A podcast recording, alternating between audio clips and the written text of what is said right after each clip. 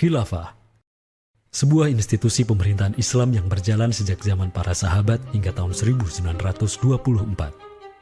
Ia merupakan sebuah simbol keagungan peradaban Islam selama hampir 1300 tahun. Setelah hampir seabad pasca keruntuhannya, kini ia kembali mencuat sebagai isu yang begitu hangat di tengah masyarakat. Belahan dunia timur dan barat membicarakannya, tak terkecuali di Indonesia.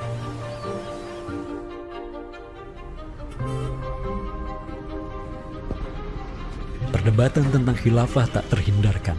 Apakah ia pantas diterima atau tidak di zaman modern saat ini? Kita tahu khilafah atau kehilafahan Islam itu di Nusantara bukan hal yang baru. Ya, sudah ada hubungan relasi antara kesultanan-kesultanan dan kerajaan Islam Nusantara dengan kehilafahan di Turki Utsmani atau wilayah Arab secara keseluruhan itu sejak abad ke-7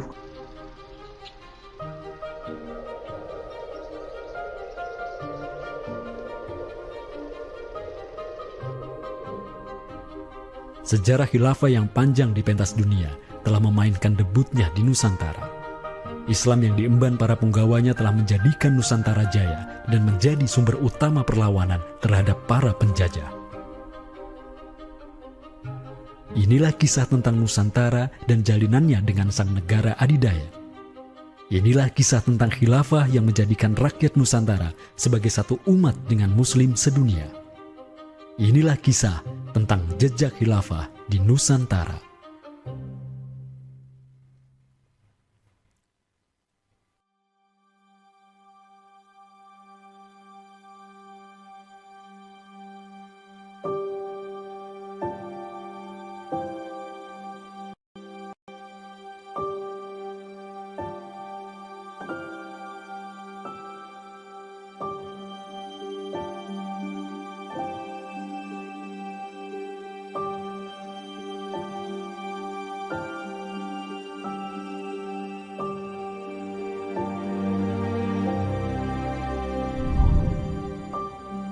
Senin, 12 Robiul Awal tahun 11 Hijriah, bertepatan dengan tahun 632 Masehi.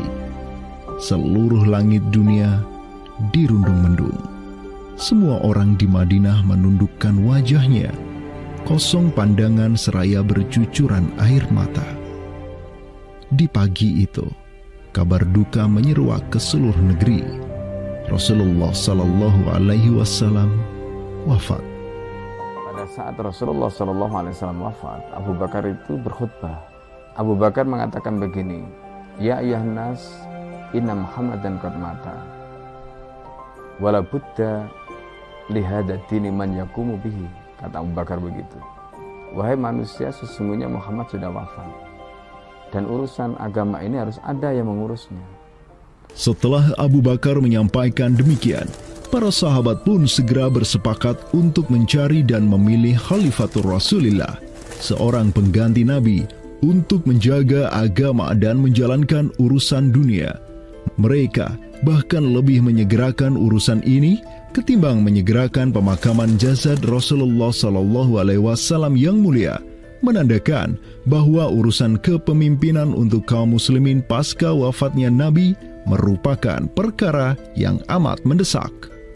Karena itu Sayyidina Umar juga mengatakan la islama illa bil jamaah wala jama'atan illa bil imarah wala imaratan illa bil ta'ah. Umar juga memahami sebagaimana yang dipahami oleh Abu Bakar. Islam ini tidak akan kuat kecuali dengan adanya jamaah, dengan adanya persatuan.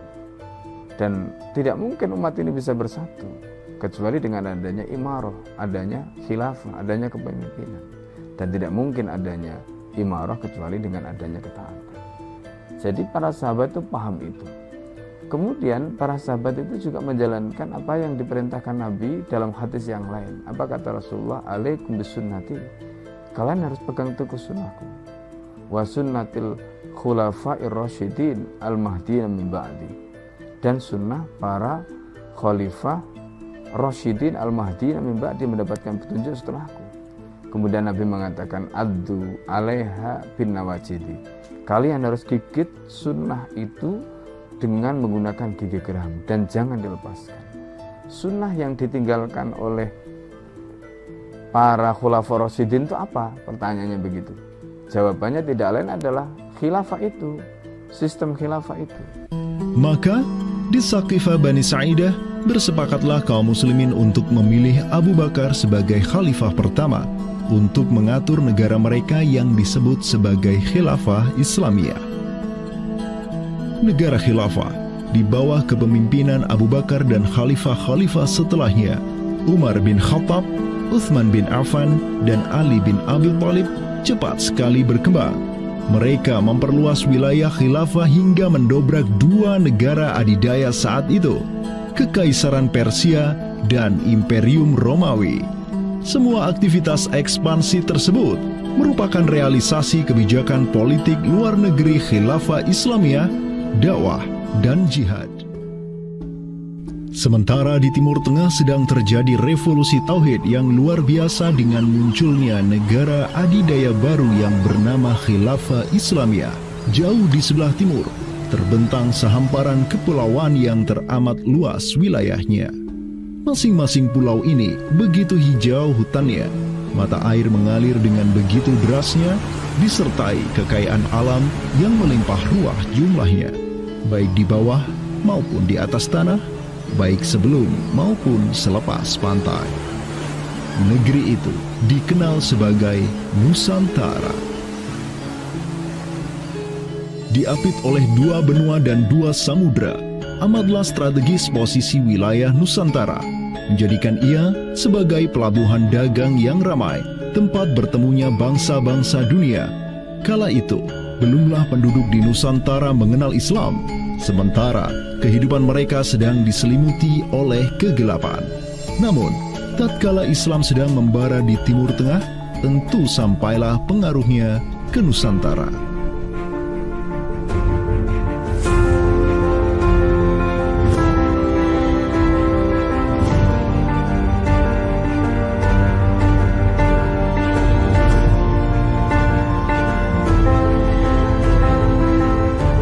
Ingin mengutip apa yang pernah dinyatakan oleh Buya Hamka ya di dalam uh, buku beliau dari perbendaharaan lama termasuk juga buku beliau yang judulnya Sejarah Umat Islam yang beliau menyatakan bahwa sesungguhnya teori yang uh, kita tahu bahwa Islam masuk ke Nusantara itu berasal dari Gujarat pada abad ke 12 sampai 15 uh, Masehi itu sebetulnya tidaklah tepat sepenuhnya. Karena apa? Karena Buya Hamka memiliki eh, pandangan ataupun eh, penjelasan terkait dengan kapan sesungguhnya Islam masuk ke Nusantara ke Indonesia. Beliau menyatakan bahwa Islam masuk ke Nusantara itu jauh sebelum teori Gujarat.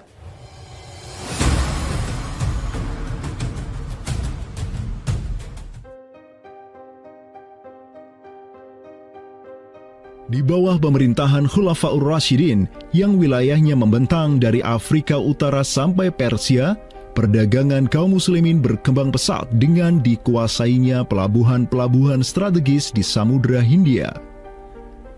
Hubungan diplomatik dan komersial pun terjalin dengan sejumlah kerajaan dari India sampai Cina.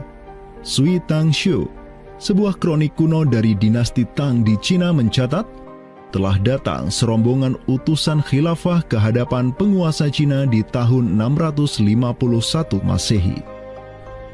Di mana tahun tersebut merupakan masa Khalifah Uthman bin Affan, hubungan khilafah dengan dunia timur terus berlanjut sampai di mana khilafah beralih ke pemimpinannya di bawah otoritas Bani Umayyah. Apabila hubungan negara khilafah dengan kekaisaran Cina sudah terjalin sejak masa Khulafaur Rashidin melalui jalur laut, tentulah utusan khilafah akan melalui wilayah Nusantara yang menjadi penghubung antara Timur Tengah dan Asia Timur. Dan di ujung paling barat wilayah Nusantara, terdapat pulau besar yang kala itu dikenal oleh bangsa Arab sebagai Sribuza, pelafalan mereka untuk menyebut kerajaan Sriwijaya pelabuhan-pelabuhan di kerajaan Sriwijaya senantiasa menjadi titik transit setiap kapal yang hendak melanjutkan perjalanannya. Tentu, penguasa Sriwijaya akan menyadari keberadaan pelayar-pelayar muslim yang singgah di wilayah kekuasaannya. fakta bahwa kerajaan Maharaja Indra Farman di Sriwijaya itu ada komunikasi dengan uh, Daulah Umayyah mengirim surat dua kali yang isi suratnya itu dari raja dengan seribu gajah ya dan sebagainya dan sebagainya yang menunjukkan surat menyurat seabad itu yang menunjukkan ada hubungan kekhilafah dengan dengan Nusantara. Dan secara historis ya sangat sangat logis ketika itu uh, superpower dunia dunia adalah ada, ada, adalah khilafah. Surat yang dikirim oleh Maharaja Sri Indrawarman dari Sriwijaya tersebut dialamatkan ke Damaskus, ibu kota Khilafah Umayyah yang saat itu dipimpin oleh Khalifah Umar bin Abdul Aziz. Dalam surat itu disebutkan, من ملك الأملاك الذي هو ابن ألف ملك والذي تحته بنت ألف ملك والذي في مرضته ألف فيل والذي له نهران ينبتان العود والألوها والجوز والكافور الذي يوجد ريحه على مسيرة إثنى عشر ميلا. إلى ملك الأعراب الذي لا يشرك بالله شيئا. أما بعد فإني قد بعثت إليك بهدية وما هي بهدية ولكنها تحية وأحببت أن تبعث إلي رجلا يعلمني الإسلام ويوقفني على حدوده والسلام Maka, di bawah kepemimpinan Sang Khalifah Umar bin Abdul Aziz, khilafah menyebarkan rahmatan lil alamin ke segala penjuru dunia termasuk Nusantara.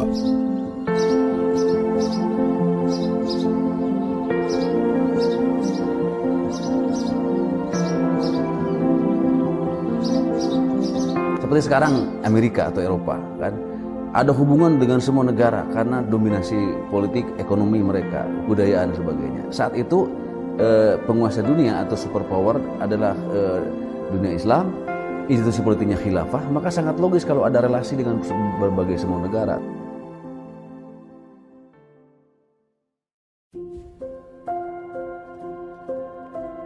Tahun 1258, dari arah timur datanglah segerombolan pasukan yang mengerikan. Tubuh mereka besar-besar bak raksasa, berkulit kuning dan begitu mahir berpanah dan mengendarai kuda. Inilah pasukan Mongol yang datang dari utara Cina. Khalifah Al-Musta'sim itu dibunuh oleh Hulegu Khan, ya, pemimpin uh, tentara Mongol. Kemudian pasca penaklukan Baghdad, itu Baghdad menjadi kota kosong, ya. Penduduknya dibantai, Khalifah dibunuh, ya. Kotanya dibakar, perpustakaannya dihancurkan, wah pokoknya kacau sekali lah. Nah, tapi ternyata banyak keluarga Abbasiyah ya dinasti Bani Abbasiyah yang dia itu selamat dari pembantaian orang-orang Mongol. Dan mereka itu akhirnya e, berdiaspora mengungsi ya. Ada yang berdiaspora ada yang mengungsi ke Hijaz ada yang mengungsi ke daerah Najd ya ada yang mengungsi ke daerah Mesir. Ada satu keturunan Abbasiyah Bani Abbasiyah yang dia itu mengungsi sampai ke Aceh gitu. Di mana Aceh itu dulu ya negara yang berkuasa di sana adalah Samudra Pasai.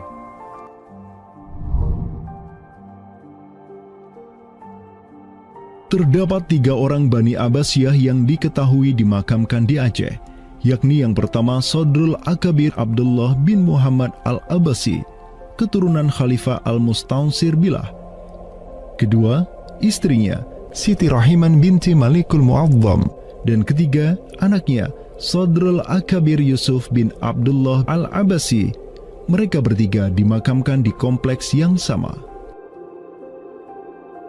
Uh, yang paling monumental, yang paling besar di sini kita lihat ada adalah seorang uh, tokoh yang memiliki predikat As-Sadr Al-Kabir ataupun pengawal para pembesar yang uh, derajatnya mungkin setingkat dengan Perdana Menteri. Beliau bernama Abdullah bin Muhammad bin uh, Abdul Qadir bin Abdul Aziz uh, bin Al-Mansur Abi Ja'far uh, Al-Abbasi. Yang mana genetika beliau yang uh, daripada Al-Mansur ini sendiri yang merupakan kakek buyut daripada Abdullah ini adalah seorang khalifah dari Bani Abbasiyah. Bani Abbas ini yang terkubur di Aceh, ya Lok Sumawe ini, ayahnya ini, ya Muhammad bin Abdul Qadir. Ternyata dia itu dicatat oleh Ibnu Battuta, ya dicatat oleh Ibnu Battuta dalam rihlahnya kitab Tuhfatun Nazar, ya. Nah, dia itu ayahnya uh, apa Abdullah bin Muhammad Sodrul Akabir yang di Pasai itu menjadi gubernur ya menjadi gubernur di mana? Di daerah India. Gitu. Dicatat oleh Ibnu Battuta gitu ya. Dan Ibnu Battuta mencatat sultan-sultan di India itu begitu hormat ya. Begitu taat. Dan mereka itu uh, apa memuliakan keturunan Khalifah Abbasiyah ini ya. Keturunan Khalifah Al Mustansir Billah. Begitu.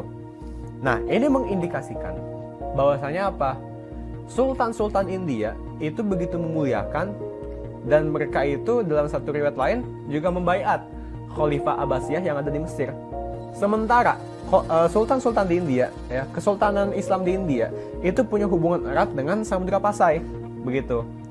Nah, di sini kita bisa menduga kuat bahwasanya Samudra Pasai itu juga berbaiat kepada Khalifah Abbasiyah. Samudra Pasai pada masa itu berbaiat kepada dinasti sebelum uh, Uthmaniyah uh, berkuasa, yaitu kita menduga uh, dan meyakini hal tersebut sesuai fakta-fakta yang kita temukan di lapangan bahwa uh, Madinatul Sumatera ataupun Jaziratul Jawi uh, Samudra Pasai itu berbaiat langsung kepada dinasti Abbasiyah.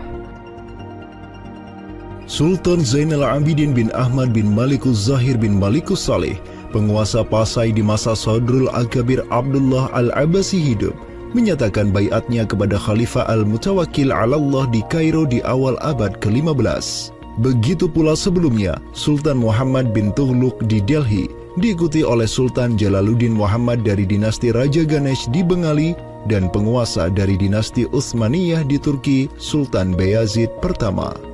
Seluruh sultan di dunia Islam menyatakan bayatnya kepada Khilafah Abbasiyah semenjak gelombang badai Mongol berhasil dihentikan oleh pahlawan-pahlawan Mamluk.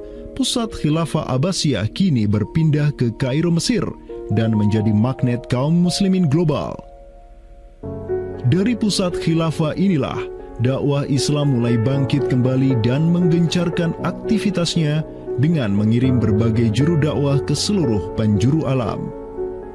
Dengan samudra pasai yang mendaulatkan dirinya sebagai darul Islam yang berbaiat kepada khalifah, Samudra Pasai mengemban tugas untuk mengubah seluruh Asia Tenggara dari Darul Kufri menjadi Darul Islam. Sultan Zainal Abidin Ra Ubabdar dibantu oleh putra Sadrul Akabir Abdullah bin Muhammad Al-Abasi, yakni Yusuf bin Abdullah, yang di pucuk pusaranya tertera nama kakeknya Khalifah Al-Mustansir Billah, banyak menaklukkan wilayah-wilayah yang belum Islam di Sumatera dan Semenanjung Malaya. Seperti Raubabdar, Raubabdar itu berasal dari dua kata, Ra dan Ubabdar yang mana artinya adalah penguasa gelombang. Ini adalah sebuah predikat yang uh, sangat luas sebenarnya maknanya. Uh, sesuai dengan masa yang ditorehkan uh, pada waktu tersebut bahwa Sultan Zainal Abidin Ra'ubabdar bin Ahmad bin Ahmad bin Muhammad bin Al-Mali Al-Salih ini adalah masa salah satu masa kegemilangan Samudra Pasai. Yang mana kita ketahui setelah tersebut masa tersebut yang memimpin Kesultanan Sumatera adalah anak keturunan daripada beliau ini. Yang jumlahnya sampai 11 orang sultan uh, bergerak dan terus bergerak itu meluaskan dakwah Islamnya uh, sampai ke pulau-pulau itu masa Zainal Abidin Raubabdar terutama penakluk gelombang yang, yang dijuluki beliau itu itu melebarkan sayap itu sampai ke seluruh Asia Tenggara. Digelarilah Sultan Zainal Abidin Pasai dengan sebutan Ra Ubabdar, bahasa Persia untuk gelar sang penakluk gelombang. Karena dengan arungan pasukannya yang luar biasa di atas gelombang laut Nusantara, ia membuka banyak sekali wilayah. seperti Malaka misalnya, di mana di sanalah Sultan Zainal Abidin Ra'ubabdar menempatkan putranya Sultan Mansur sebagai penguasa Darul Islam Malaka. Kesultanan Samudra Pasai banyak pula mengirimkan juru dakwahnya untuk meminta penguasa-penguasa Nusantara lain agar menerima Islam. Salah satu juru dakwah tersebut dikirim ke Jawa Timur, pusat pemerintahan rezim yang mendominasi wilayah Nusantara saat itu. Kerajaan Majapahit.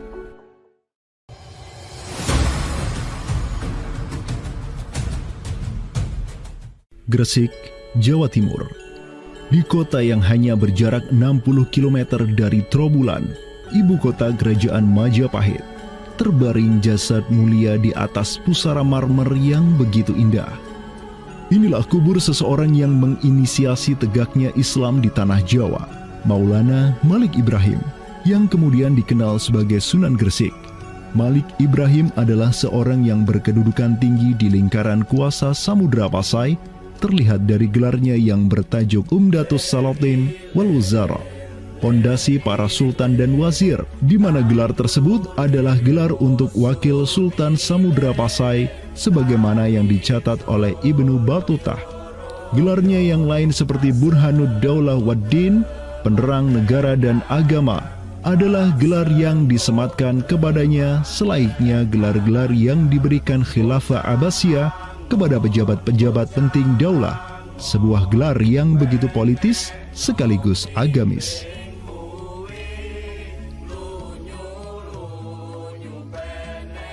Maulana Malik Ibrahim dikirim oleh Pasai untuk mendakwahkan Islam kepada rakyat dan para penguasa Majapahit banyak orang-orang dari kesultanan ini, Kesultanan Samudra Pasai, yang itu berbayat langsung ke khalifah, itu mengirim orang-orang atau orang-orang Pasai itu banyak bermigrasi ke daerah-daerah lain di Nusantara.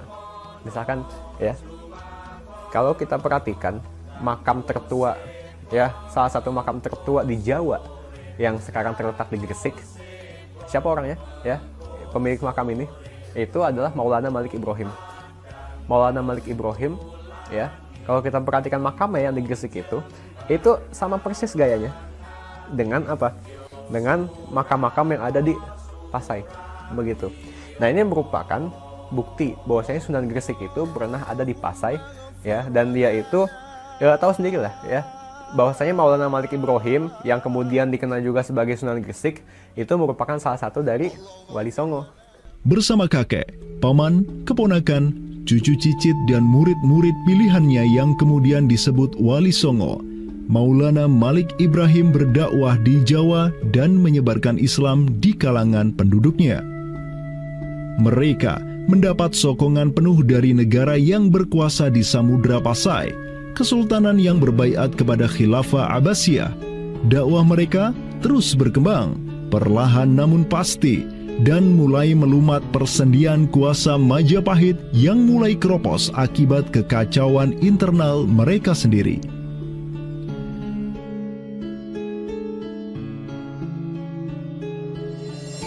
Para wali songo juga dihormati karena sebagian besar dari mereka menyandang status sebagai keturunan Nabi melalui jalur Husain bin Abi Thalib yang terus turun-temurun kepada Muhammad Sahib Marbal turun lagi ke Alawi sampai ke Imam Jamaluddin Al-Husaini yang dikenal juga sebagai Syekh Maulana Jumadil Kubro yang dari dialah para wali songo lahir sebagai anak-anaknya.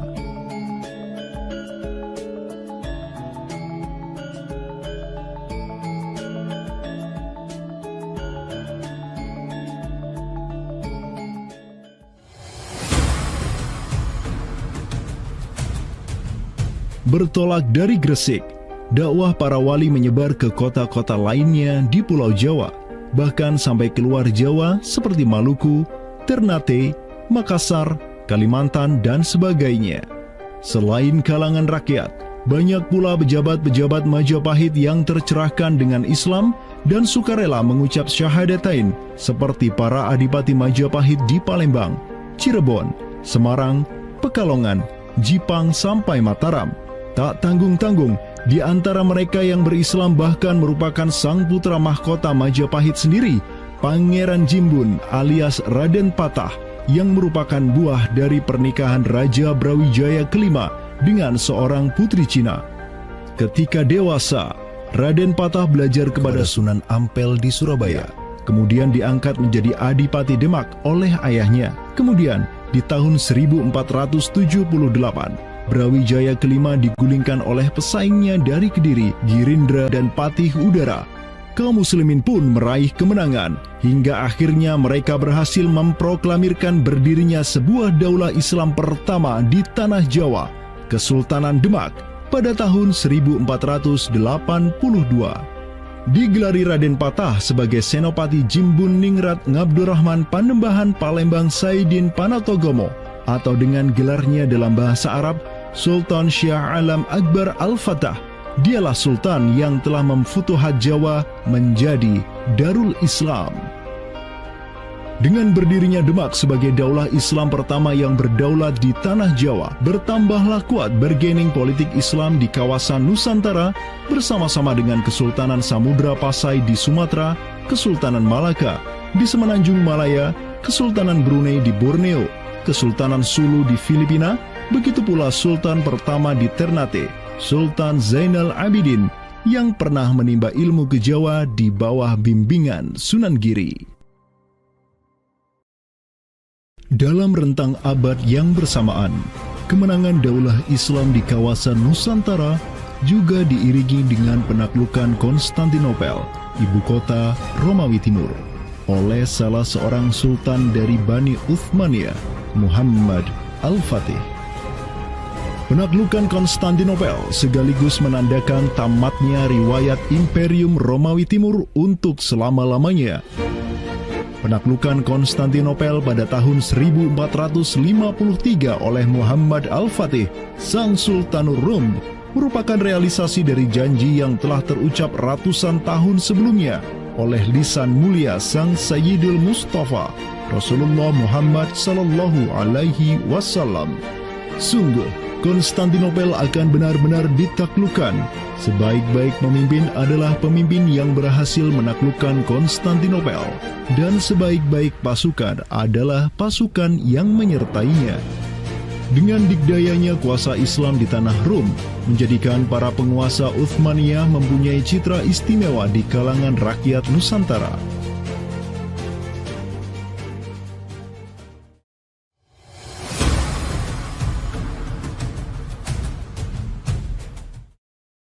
Namun demikian, dikala penaklukan demi penaklukan sedang digencarkan oleh tentara Islam mulai dari Rum sampai ke Nusantara, penaklukan yang sama juga digencarkan oleh tentara Kristen di ujung paling barat dunia Islam, Andalusia.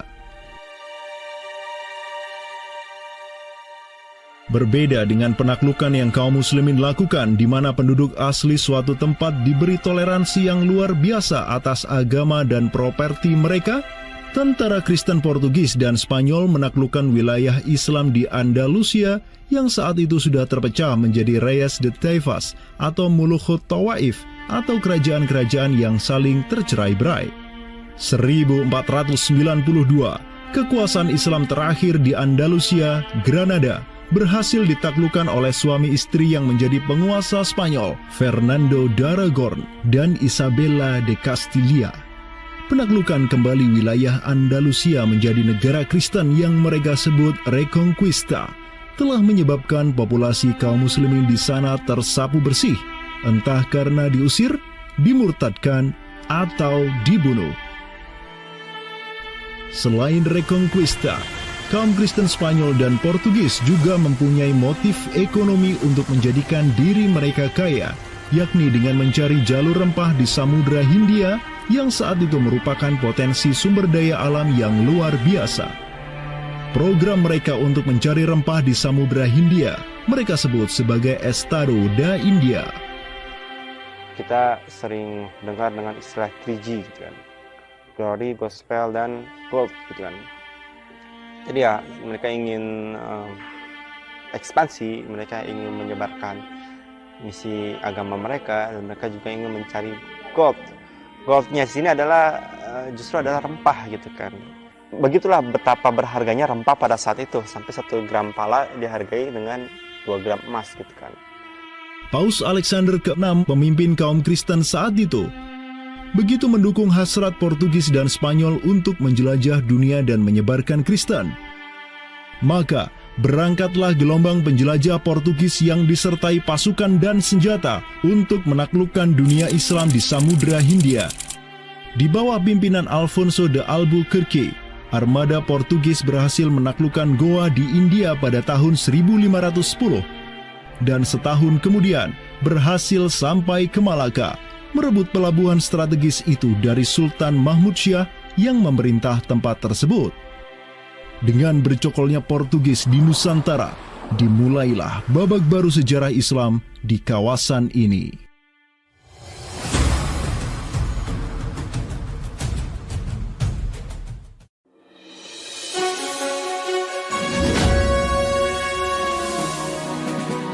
Sementara di Nusantara tengah berlangsung gejolak dengan hadirnya Portugis yang berpusat di Malaka. Cucu dari Sultan Muhammad Al-Fatih dari Bani Uthmaniyah, yakni Sultan Selim pertama, berhasil meluaskan pengaruh dan kekuasaannya di dunia Arab. Pada tahun 1517, beliau berhasil merebut Suriah, Mesir, dan Hijaz dari kepenguasaan kaum Mamluk. Khalifah Al-Mutawakil Allah ketiga dari Bani Abbasiyah peserta kini menyerahkan kepemimpinan umat Islam sedunia dan pelayanan dua kota suci kepada Sultan Salim pertama, penguasa Uthmaniyah yang bukanlah mereka berdarah Arab. Perlu dicatat bahwa penjelasan tentang Al-Aimatu fi itu kalau kita merujuk kepada kitab Ar-Rawdah, Rawdatul Talibin wa Umdatul Muftin. Memang ada hal yang menarik di sini. Di satu sisi ada mengatakan bahwa syarat khalifah itu harus Quraisy. Tetapi Imam Nawawi sepakat ketika katakanlah dari Quraisy tidak ada. Terus diambilkan dari mana? Maka kemudian disebutkan di situ ya di luar Quraisy. Bisa dari bani ini, bani ini. Itu yang disebutkan di dalam kitab Allah. Karena itu sebenarnya syarat al-aimah fi itu bukan syarat yang wajib. Tetapi difahami di sini berdasarkan penjelasan yang di antaranya disebutkan dalam kitab Allah tadi itu adalah merupakan syurut afdaliyah.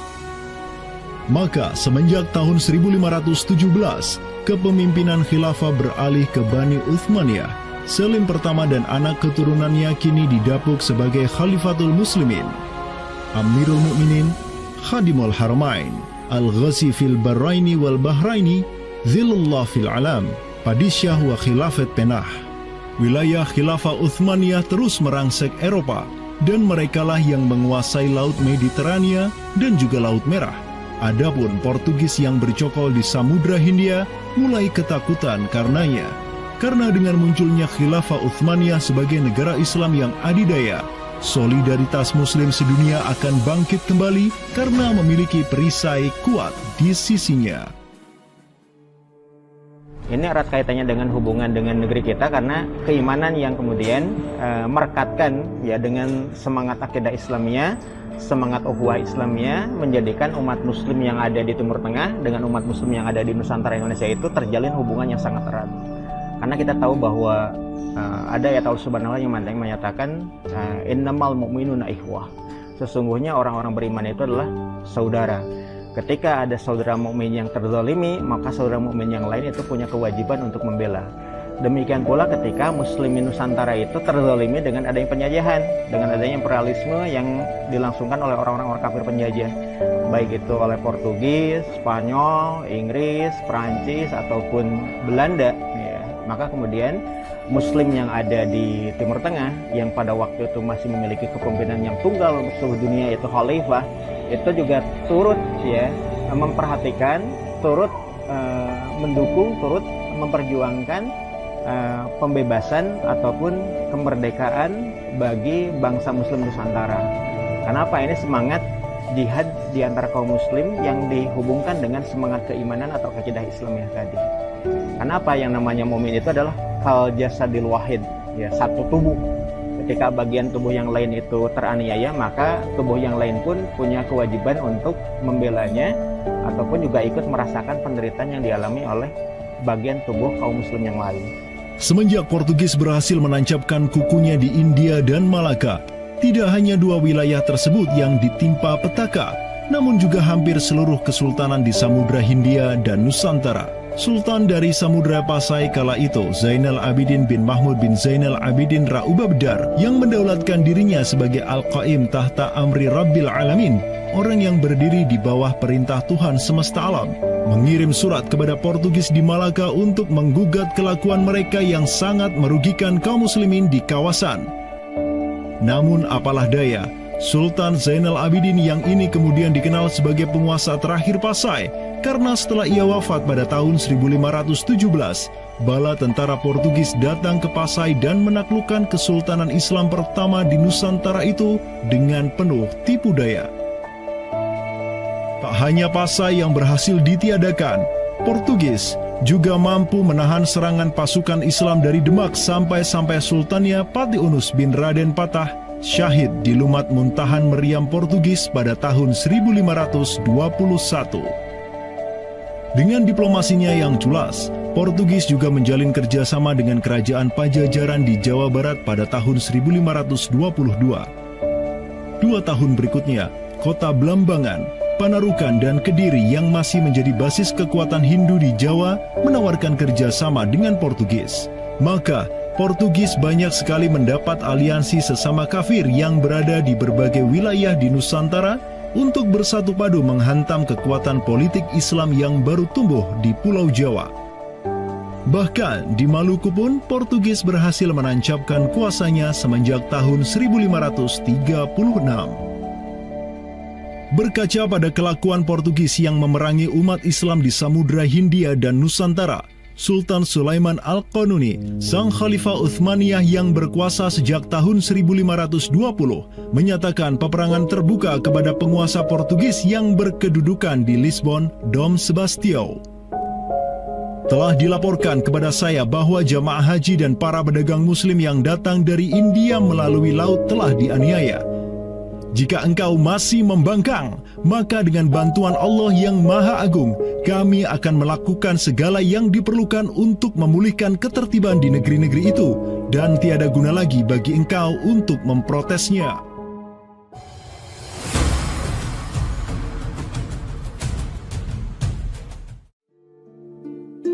Penjaga kedaulatan Islam di Sumatera yang harum selama ratusan tahun, Samudra Pasai, kini sudah sirna di bawah kungkungan Portugis.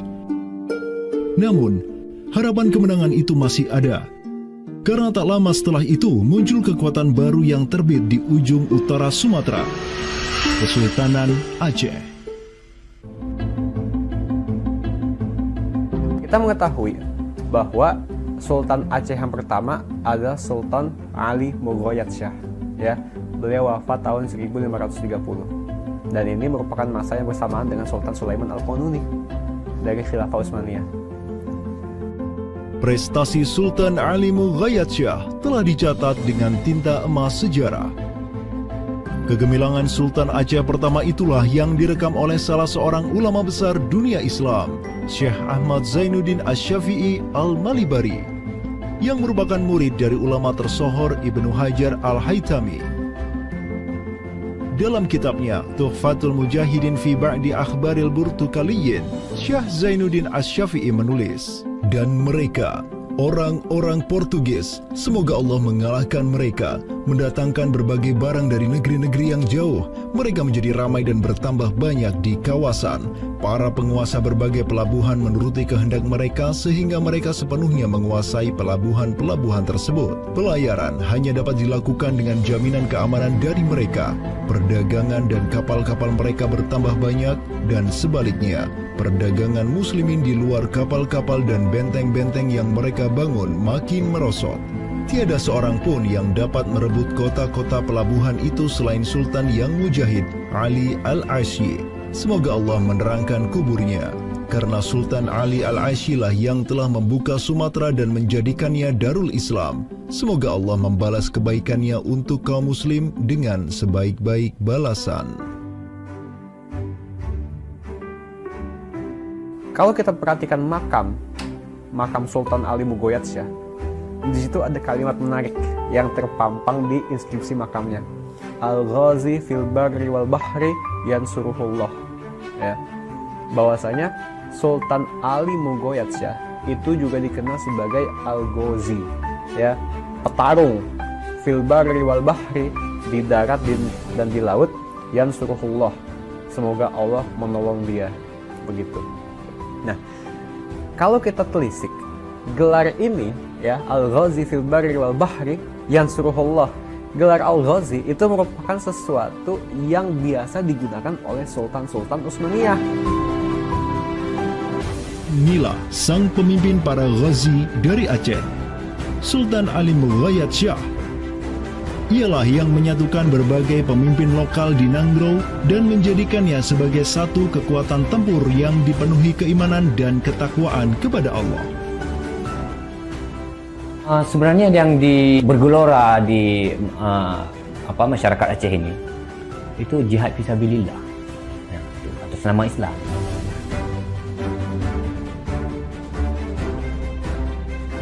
Kampanye global Khilafah Uthmaniyah untuk menghajar Portugis senantiasa digelorakan oleh para khalifahnya dan juga oleh para negarawan daulah adidaya itu.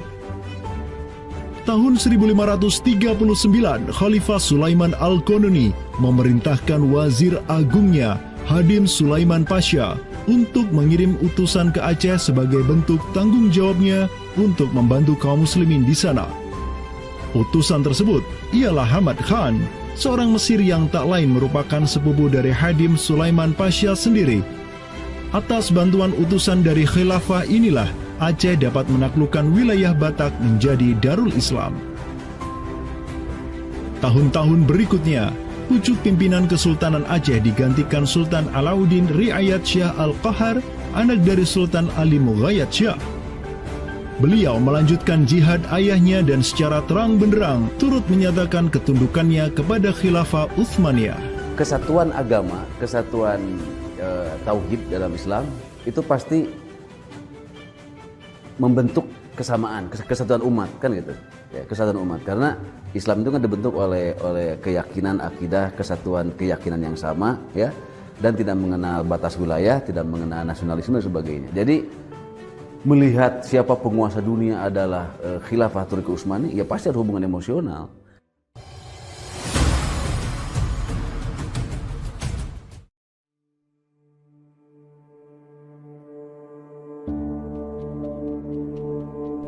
Pada tahun 1566, Sultan Alauddin Riayat Syah Al-Qahar mengirim surat ke Istanbul. Dan pada baris ke-69 sampai ke-71, Sultan Aceh ini menyatakan bayatnya kepada Khalifah Sulaiman Al-Qanuni. Dengan bersungguh-sungguh, kami meminta agar Padishah atau Khalifah tidak lagi memandang saya, hambanya di tanah Aceh ini, sebagai penguasa yang independen. Melainkan, sudi menerima saya sebagai hambanya yang miskin dan rendah, yang dapat berkuasa berkat kemurahan hati Sang Padishah sang pelindung dunia, naungan Allah di muka bumi dengan jalan yang tiada berbeda dari gubernur Mesir, Yaman, atau para bey di Jeddah dan Aden. Sultan Selim kedua tatkala mendengar ya membaca surat dari Aceh ini, di mana surat Aceh ini itu uh, selain memberikan bayat, dia itu juga meminta pertolongan kepada Khalifah Amirul Mukminin sebagai pelindung dunia Islam global agar mengirim sejumlah persenjataan ya kapal perang ahli-ahli militer ya ke ke mana ke Aceh untuk menghadapi Portugis yang saat itu sedang menguasai Selat Malaka. Begitu. Nah akhirnya apa? Bahkan Sultan Selim kedua itu menyebutkan ya Aceh itu sebagai wilayah di Aceh ya.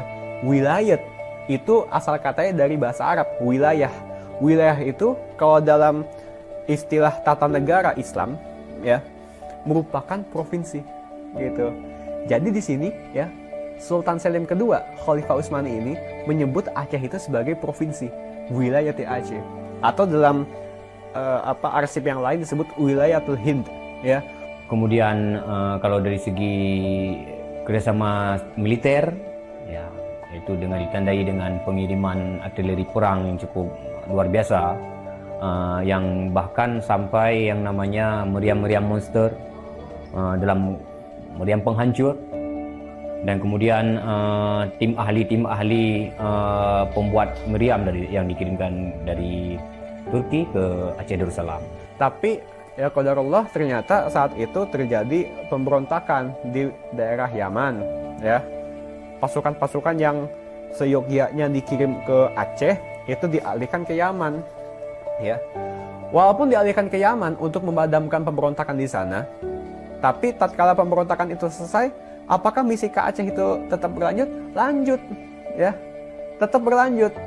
Nah, akhirnya sejarah mencatat bahwasanya ada dua kapal galeon, ya, dua kapal perang besar yang di mana isinya merupakan perwira-perwira ahli militer dari Utsmaniyah dikirim ke Sultan Alauddin Riayat Shah Al-Qahar, ya. Nah, dan ini ya menurut Profesor menurut Profesor Amirul Hadi ya jumlahnya 400 ya. Series tentara elit Utsmaniyah dikirim ke Aceh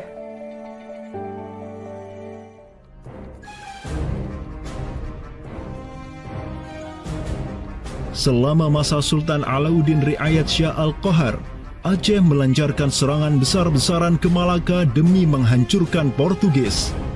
Serangan-serangan itu dilaksanakan pada tahun 1537 1564, dan 1568. Pada serangan yang ketiga di tahun 1568, armada raksasa berkekuatan 15.000 Ghazi Aceh, 400 Janisaris dari Khilafah Uthmaniyah, dan 200 meriam monster karya para ahli senjata Uthmaniyah berangkat ke Malaka yang dikomando langsung oleh Sultan Alauddin Riayat Shah Al-Qahar.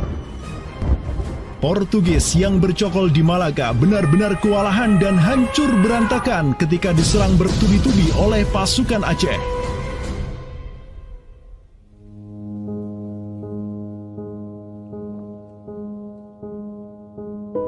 Walau demikian, Portugis berhasil bertahan karena dibantu oleh sekutu-sekutunya dari Johor dan Kedah. Banyak korban yang berjatuhan baik dari pihak Aceh maupun pihak Portugis, Begitu pula, ada beberapa Janissaris Uthmaniyah yang turut gugur dalam jihadnya di kawasan Nusantara ini. Ada satu daerah di kawasan Bandar Aceh ini, Bandar Aceh Darussalam itu Kampung Bitai. Itu tempat uh, para uh, tentara-tentara Turki syahid. Uh, kemudian dimakamkan di Bitai.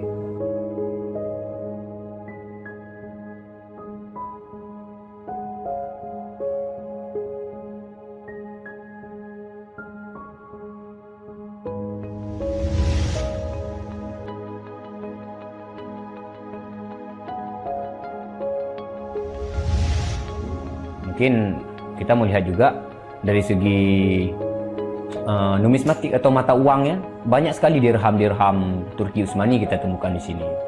Ini adalah Gampung Pande, sebuah rawa kumuh yang terletak di tepi pantai Kutaraja, Banda Aceh. Semenjak tahun 2006, tempat ini sudah dijadikan sebagai tempat pembuangan akhir untuk sampah dan tinja. Kemudian sempat pula ingin dibangun di atasnya instalasi pengolahan air limbah atau IPAL oleh Pemda setempat. Namun siapa sangka, di tempat yang nasibnya begitu menyedihkan hari ini, di tahun 2013 lalu, telah ditemukan tidak kurang dari 6.000 keping dinar dan dirham yang dicetak oleh Khilafah Uthmaniyah dan Kesultanan Aceh. Nah, dari Sultan Sulaiman Al-Kanuni kita temukan di sini. Kemudian Sultan uh, Murad nah, juga kita temukan di sini. Gampung Pandai yang merupakan salah satu kawasan Islam tertua di Aceh, di mana di sanalah terdapat ribuan makam tokoh-tokoh penting Islam yang datang dari seluruh penjuru negeri. Dan beginilah nasibnya sekarang, terhinakan oleh orang-orang yang melupakan sejarah besarnya, tak tersentuh oleh peradaban modern yang durhaka kepada sejarah Islamnya. Walau demikian, kenangan tentang mereka takkan pernah hilang dan akan terus teringat oleh anak cucu kita. Mereka akan terus mengingat bahwa orang tua-orang tua kita dahulu, para penguasa kita yang soleh dulu, pernah menyatakan bayatnya kepada Amirul Mukminin, khalifahnya umat Rasulullah Sallallahu Alaihi Wasallam. Inilah kubur orang yang dirahmati lagi diampuni. Dialah Al-Ghazi, sang petarung di jalan Tuhan semesta alam, penentang kaum kafir dan musyrikin, pecinta kaum fakir dan miskin, Sultan Alauddin Riayat Syah, naungan Allah di muka bumi, putra Sultan Ali Mughayat Syah. Semoga Allah menyiramkan rahmat ke atas pusaranya dan menjadikan surga tempat kediamannya.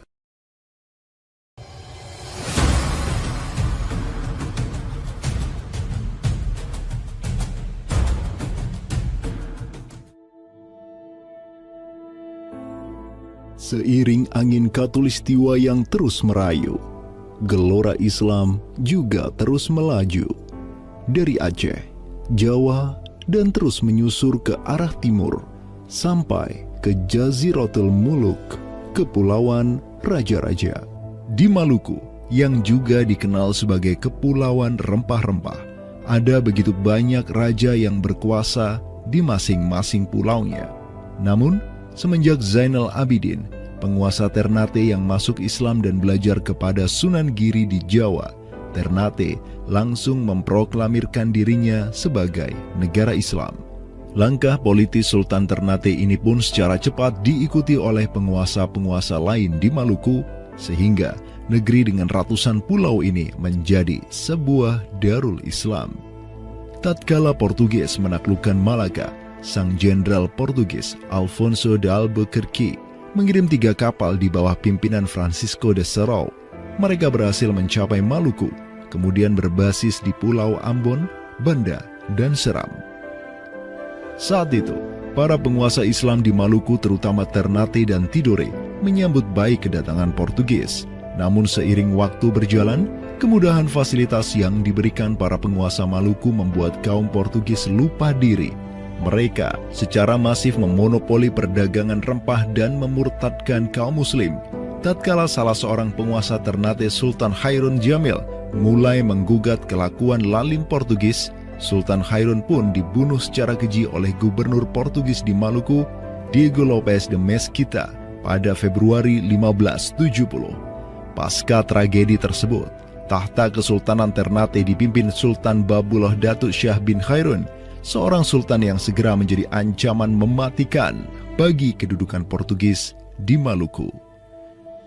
Dengan pasukan laut raksasanya, Sultan Babullah menyerbu setiap benteng Portugis yang ada di Maluku. Segala kapal dan bala bantuan yang hendak dikirim untuk Portugis dari Goa dan Malaka diblokade oleh pasukan Babullah. Persenjataan kaum muslim Maluku pun cukup membuat Portugis gemetaran. Karena selain menggunakan panah, tombak dan pedang, Sultan Babullah juga menggunakan meriam monster hasil buah tangan Janissaris Utsmaniyah. Sultan Babullah itu mempekerjakan sekitar 20 sekitar 20 ahli militer dari Khilafah Utsmaniyah. Gitu. Nah, orang-orang Utsmaniyah ini ahli militer dan mereka itu ahli juga persenjataan. Pasokan-pasokan persenjataan itu dibuat, diproduksi oleh orang-orang Utsmani ini dan mengajar dan mereka itu mengajarkan kepada orang-orang Maluku, pasukan Sultan Babullah untuk membuat senjata. 20 orang Utsmaniyah ini merupakan sebuah tim ahli senjata yang menjadi bagian dari pasukan Khilafah Utsmaniyah yang dikirim Khalifah Selim II kepada Sultan Alauddin Riayat Syah Al-Qahar di Aceh. Dengan pengalaman yang mereka dapatkan setelah membantu Sultan Aceh berjihad melawan Portugis di Malaka, 20 Janissaries ini melanjutkan perjalanan mereka dari Aceh menuju Ternate. Peperangan dan pengepungan pasukan Babullah untuk menyerang Portugis yang bersembunyi di benteng-benteng mereka terus berjalan selama lima tahun, dari tahun 1570 sampai tahun 1575. Akibat pengepungan tersebut, kaum Portugis amat menderita dengan kelaparan, sampai-sampai mereka memakan anjing, tikus, sampai cicak demi bertahan hidup. Hingga akhirnya pada 27 Desember 1575, Portugis mengibarkan bendera putih. Mereka pergi dari Maluku untuk selama-lamanya dengan rasa malu yang tiada terperi. Sultan Babullah yang terus berkuasa sampai tahun 1583 terus mengekspansi banyak wilayah di timur Nusantara untuk menjadi Darul Islam. Raja Makassar, Karaeng Bonto Langkasa, berhasil Babullah Islamkan sehingga Makassar menjadi Darul Islam. Begitu pula dengan Luwuk, Banggai, Mindanao, Nusa Tenggara, Aru, Halmahera, Jailolo, Bacan, hingga Papua. Semuanya tunduk kepada Sultan Babullah sehingga ia dijuluki sebagai penguasa 92 pulau. Dengan prestasi yang demikian luar biasa, tentu Babullah tidak berdiri sendiri. Ada ikatan solidaritas dengan sultan-sultan Aceh, Jawa, sampai Filipina. Ikatan sebagai satu umat. Ikatan dengan satu akidah, akidah Islam ikatan dengan satu semangat, semangat jihad, dan ikatan dengan satu kepemimpinan, karena seluruh sultan di Nusantara tunduk dan begitu hormat pada khilafah Utsmaniyah.